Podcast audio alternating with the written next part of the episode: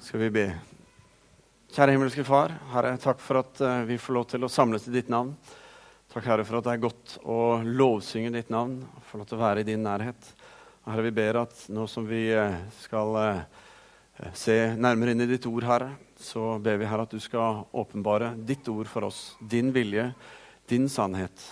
At det som er av deg, Herre, er det som skal bli stående igjen for ditt navns skyld, Herre.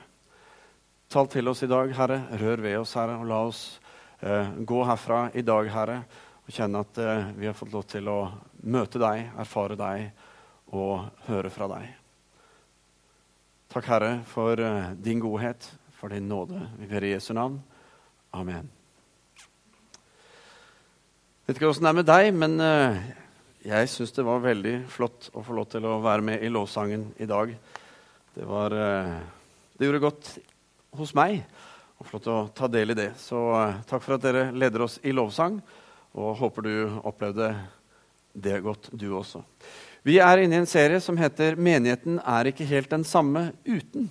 Og Det er en serie vi, uh, hvor vi ønsker å løfte fram en grunnleggende forståelse av hva menigheten er.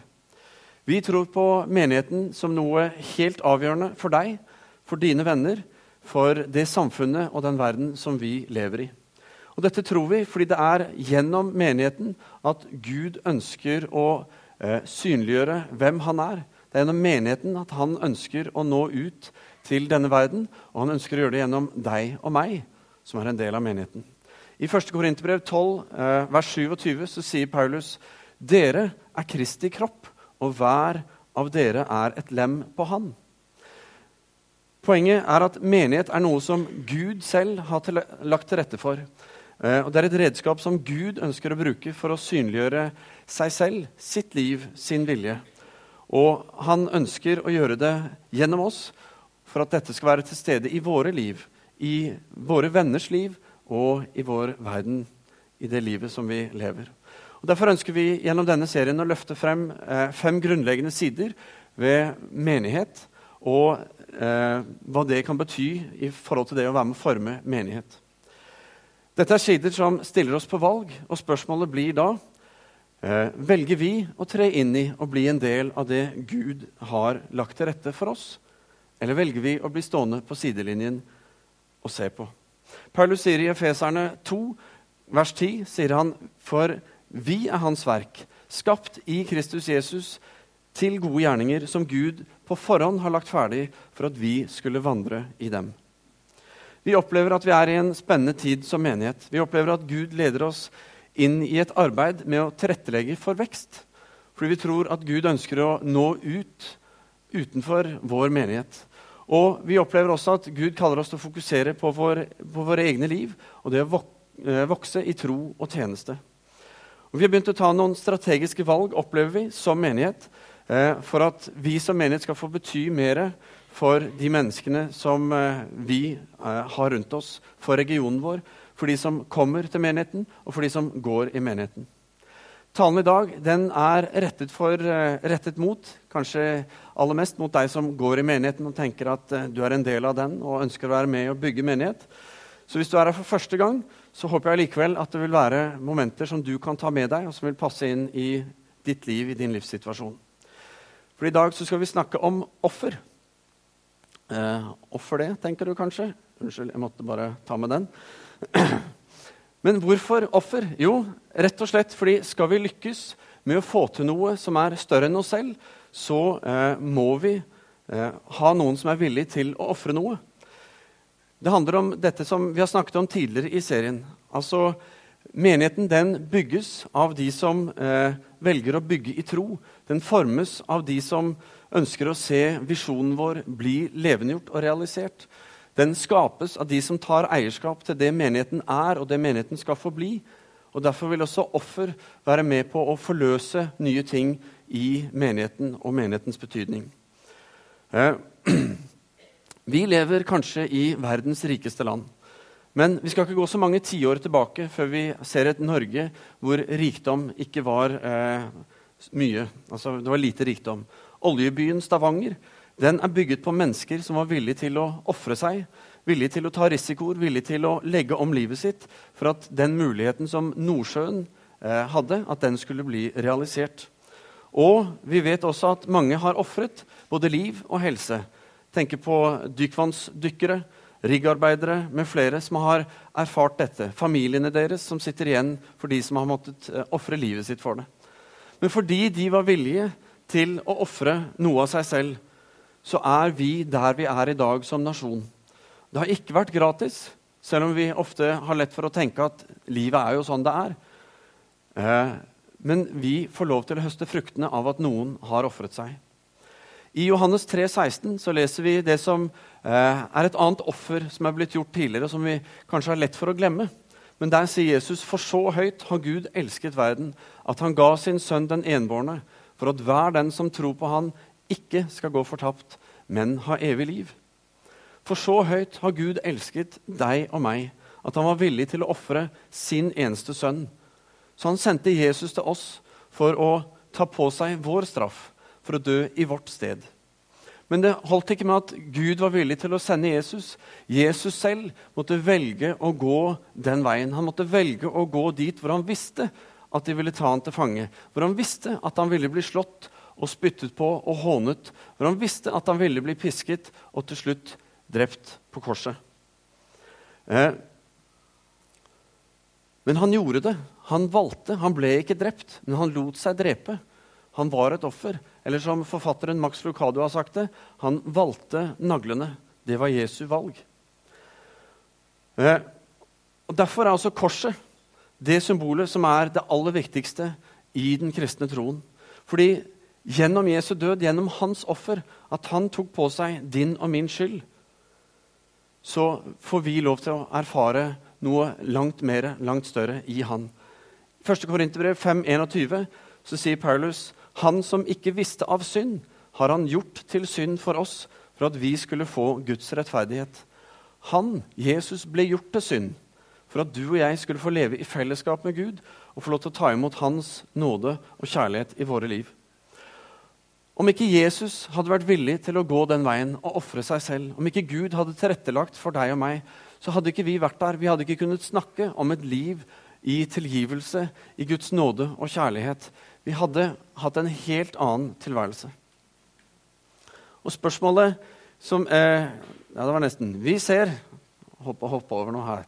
Vi ser at eh, gjennom offer så forløses noe nytt, og store ting kan skje.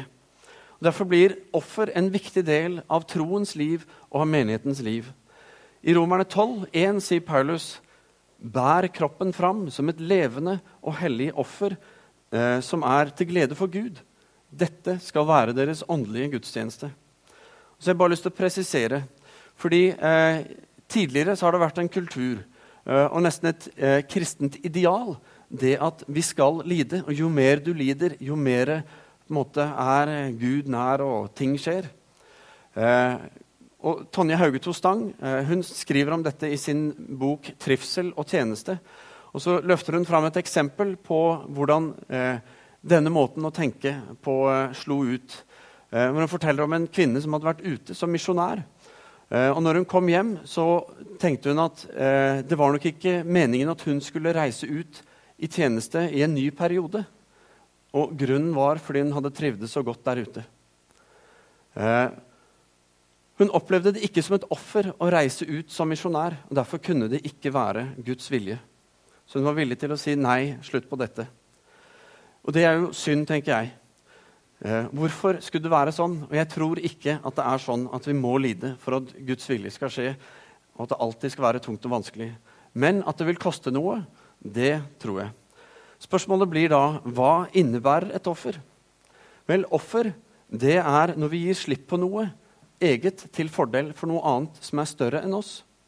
Offer innebærer at det vil kunne påføre oss smerte fordi det faktisk koster noe å gjøre det.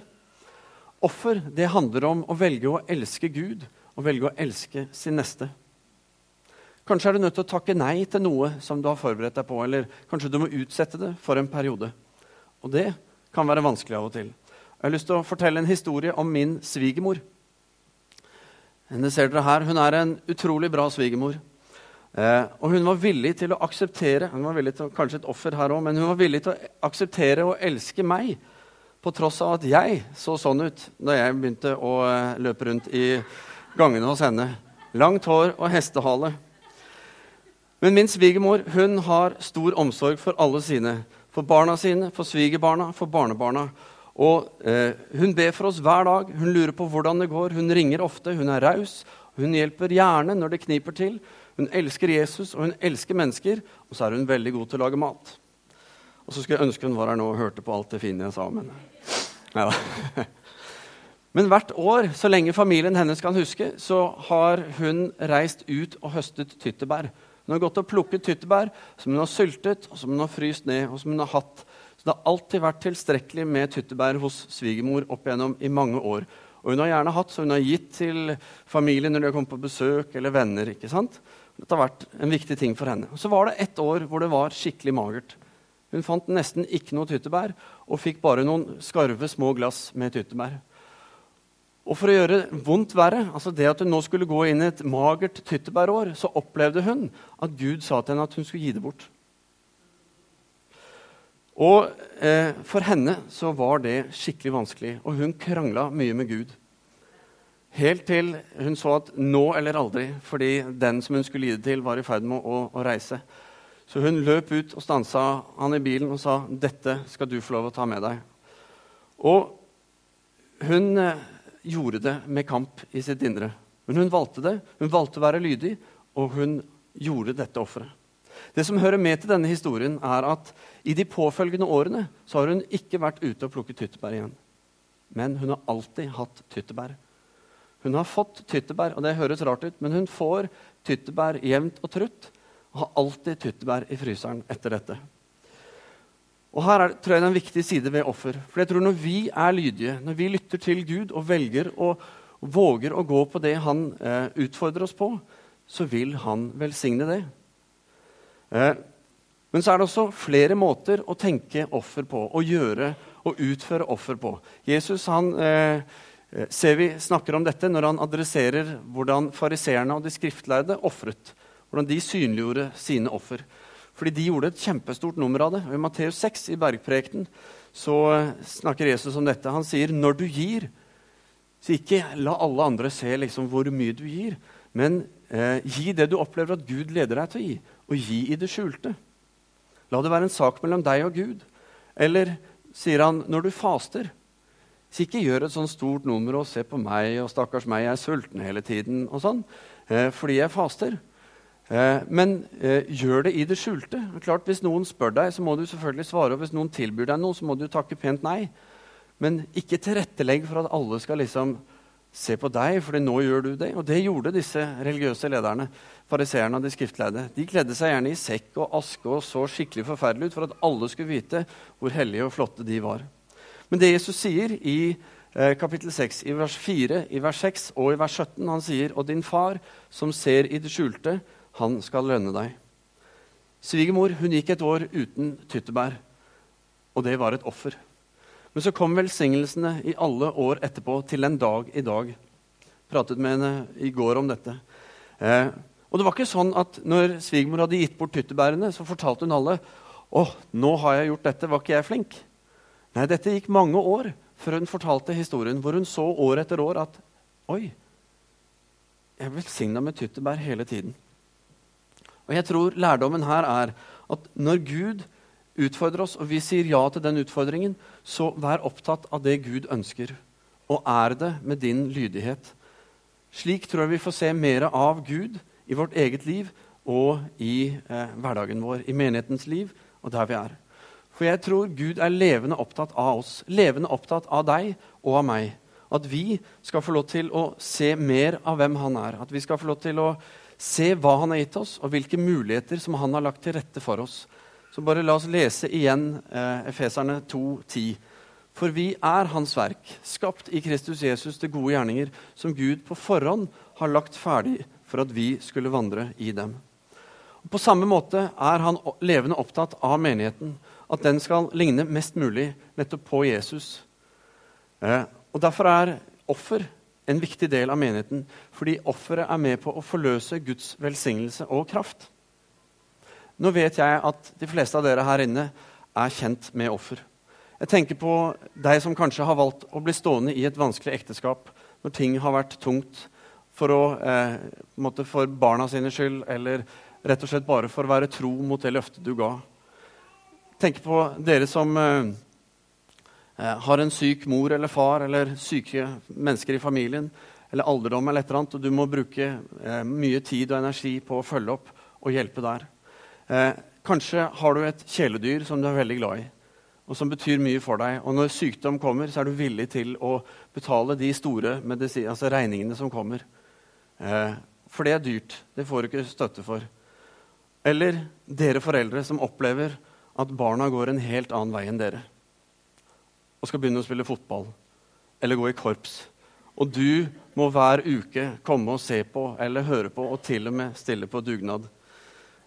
Vi kan godt le av det, Eh, men det er noen som faktisk opplever det som et offer å følge barna ut og gjøre disse tingene.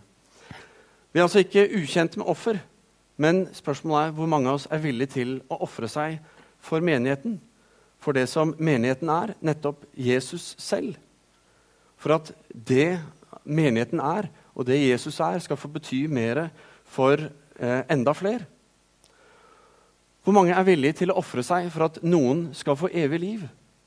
eller at noens ekteskap skal bli reddet, eller at noen skal bli satt til frihet, eller at noen skal bli helbredet, eller at noen skal få komme inn i et fellesskap hvor de kjenner at de blir eh, tatt imot, får omsorg, opplever trygghet, får lov til å gå og ta imot og høre hva Guds ord sier inn i livet deres, og kanskje til og med også få lov til å si ja til Jesus. Det offer som Gud ønsker av oss, det er avgjørende for at Guds vilje og hensikt med menigheten skal skje midt iblant oss. Det er avgjørende for at vår familie, våre familier, våre omgangskretser skal få erfare Guds nåde og kraft gjennom eh, det, og kanskje også velge å si ja til Jesus.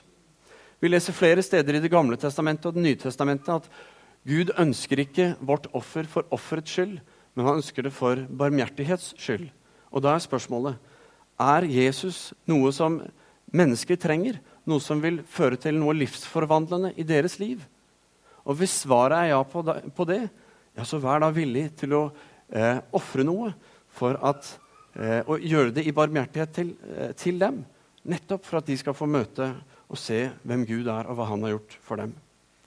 Så jeg har lyst til å peke på noen grunner til hvorfor vi skal velge å ofre. Hvorfor du skal gjøre det med ditt liv. Enten det er snakk om tid, krefter eller økonomi, eller kanskje alle disse tre, og enda mer. For det første vi kan ikke se vekst og utvikling i menigheten uten offer. Bare tenk på der du er akkurat nå, dette bygget, stolen du sitter i. Noen har vært villig til å ofre ganske mye, både av tid og krefter og økonomi, for å bygge et, sted, et hus, hvor vi kan komme sammen og være menighet. Og Eh, de har vært med å tilrettelegge fordi de har tro på menigheten, og at menigheten skal bety noe. Ikke bare for dem, men for deres neste og for den byen som vi er en del av. Eh, og de har gjort dette i en tid hvor det var langt mindre penger i omløp enn det vi har i dag. For seks og et halvt år siden så plantet vi en menighet på Jåttå hvor den gjengen her var villig til å ta på seg det oppdraget med å reise ut på Jåttå og plante menighet. Og jeg kan fortelle deg at det har vært et offer som til tider har kostet mye. For det har ikke vært lett å gjøre det vi alle tenkte skulle skje der ute. Eh, de er ikke blitt så mange flere, men i løpet av disse seks og et halvt årene så har de nådd ut til utrolig mange flere mennesker som ikke har tro og kirke som en del av sin hverdag. Og de har nådd ut til utrolig mange flere mennesker utenfor kirkens vegger enn det vi som etablert 75 år gammel menighet her i byen har lyktes med. Utfordring én for dem er at ting ikke har blitt sånn vi så det for oss. En del ting har vært mye vanskeligere enn vi trodde. Og selve det å bygge og etablere en menighet har ikke gått sånn vi tenkte. Det har vært et offer, fordi de har ikke fått gudstjenester som de har vært vant med. De har ikke fått det samme som det man får her inne. Utfordring to har vært å se verdien av det som faktisk har skjedd, opp imot det som man trodde skulle skje. For sannheten er at én pluss én er ikke alltid to. Men denne gjengen de har ofret mye, og de er der ute fremdeles. Og vet du hva? Det hadde vært så utrolig mye enklere for disse som var med i menigheten her, å ikke gå ut dit og bare bli her. Men de valgte å gjøre det, og de er der i dag. Og jeg er av den klare oppfatning av at mer har skjedd der ute enn her inne i forhold til det å nå ut til mennesker som ikke har kirke og tro som sin hverdag. Og vi ser det at offer er noe som er med på å lede til vekst, leder til liv og utvikling. Og skal vi se vår visjon, Stavanger 2020, få lov til å bli realisert, så tror jeg vi også vi som menighet, som enkeltpersoner i menigheten, må være villige til å ofre noe for å se det skje. For hvis det er sant det Jesus sier i Johannes 3, 16, så handler det faktisk om liv og død. For det andre, vi kan ikke se at mennesker vil si ja til Jesus uten offer. For det koster noe for mange å dele sin tro. Det koster noe for mange å invitere noen til kirken som ikke går i kirken til vanlig.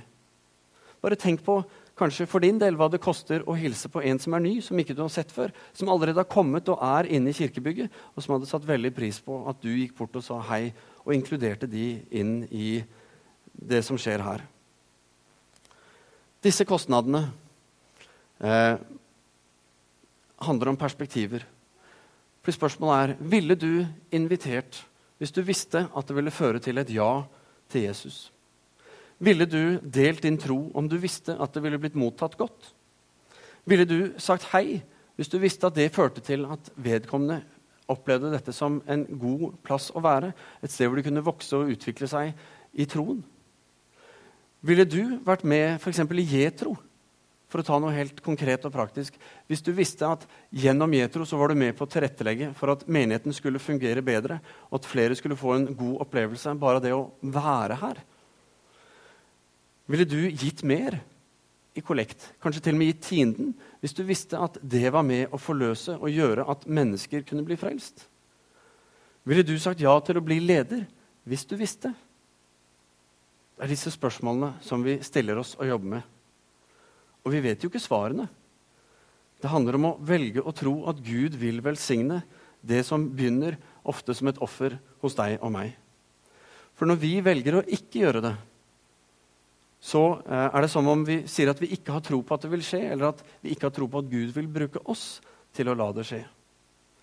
Men poenget er at det er en sammenheng mellom vårt offer og det resultatet som menigheten eksisterer for. Nemlig at mennesker skal få møte Gud, møte Jesus, si ja til han og komme i fellesskap med han. Og jo flere av oss som velger å legge tro inn i vårt perspektiv Jeg har lyst til å si takk til alle dere som gjør det. Men for alle oss som velger å legge tro inn og kanskje våger å ta enda større steg i tro enn det vi har gjort fram til i dag, jo større resultater og effekt vil vi se av det i det arbeidet som menigheten er og skal være. Så det handler om ditt og mitt perspektiv på å gjøre det som vi vet og tror er Guds vilje. Som leder oss til det tredje punktet. Vi kan ikke se Guds vilje skje uten offer. Som vi så tidligere, så valgte Gud selv å ta det største offeret. Ved å sende Jesus og ved å gå korsets vei for hele verden. Og Vi ser i Jesaja 53, vers 4 og 5, og Jesaja sier noe om dette offeret. Han sier sannelig, våre sykdommer tok han på seg, og vår smerte bar han. Vi trodde han var blitt rammet, slått av Gud og plaget, men han ble såret for våre overtredelser og knust for våre misgjerninger. Straffen lå på han for at vi skulle ha fred. Ved hans sår har vi fått legedom. Og Videre i vers 10 så sier Jesaja det var Herrens vilje å knuse ham med sykdom. Men fordi han ga sitt liv til soning, skal han få etterkommere og leve lenge. Og ved ham skal Herrens vilje ha framgang. Vi ser offeret, og vi ser at pga. offeret så skal Guds vilje ha framgang. Og da blir spørsmålet hva tror du er Guds vilje i ditt liv? Hva tror du Gud ønsker å lede deg inn i? Som han ønsker å utfordre deg på? Hvilket perspektiv ser du dette i? På hvilket grunnlag gjør du dine vurderinger og tar, dine konklusjoner på hva dette er? Er det verdt å ta noen andre valg? Er det verdt å våge å tro og gjøre et offer? På samme måte eh, Hva er Guds vilje for menigheten vår? For menigheten din? Er det verdt å ta noen valg og gjøre noen offer som vil forløse menighetens potensial?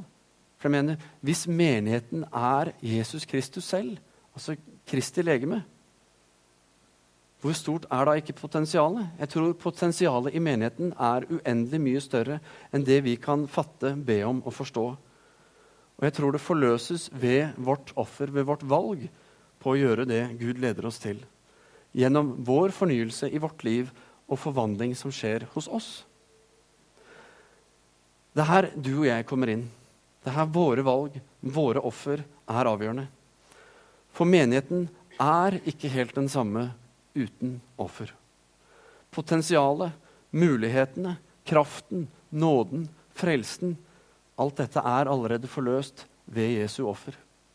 Og det gis videre ved vårt offer. Og slik får Guds vilje fremgang. Har du noe som du har tenkt på? Et offer som du har gått og lurt på om du våger å gjøre, eller om det er rett av deg å gjøre det? Da vil jeg oppmuntre deg til å prate med en som du har tillit til, og som du vet er opptatt av og, ønsker å se Guds vilje skje. Hør på hva dette er, og se hvordan kan en gjøre dette på en god måte. Kanskje er det en pastor, kanskje er det en god venn. Jeg vet ikke, det vet du. Det kan hende et lite offer, det kan hende et stort offer. Det kan hende noe som vil være kortvarig, enn noe som er langvarig. Av og til så kan vi vite noe om det eller ha en følelse av det. Men at det er viktig og nødvendig, det er vi også nødt til å velge å tro. For som Jesaja sier i kapittel 55, vers 8.: For mine tanker er ikke deres tanker, og deres veier er ikke mine veier, sier Herren. Vi må velge Guds vei, vi må velge Guds vilje. Vi leste eh, tidligere i prekenen her fra Romerne 12 og fra vers 1. Vi skal nå lese hele vers 1 og 2 til avslutning.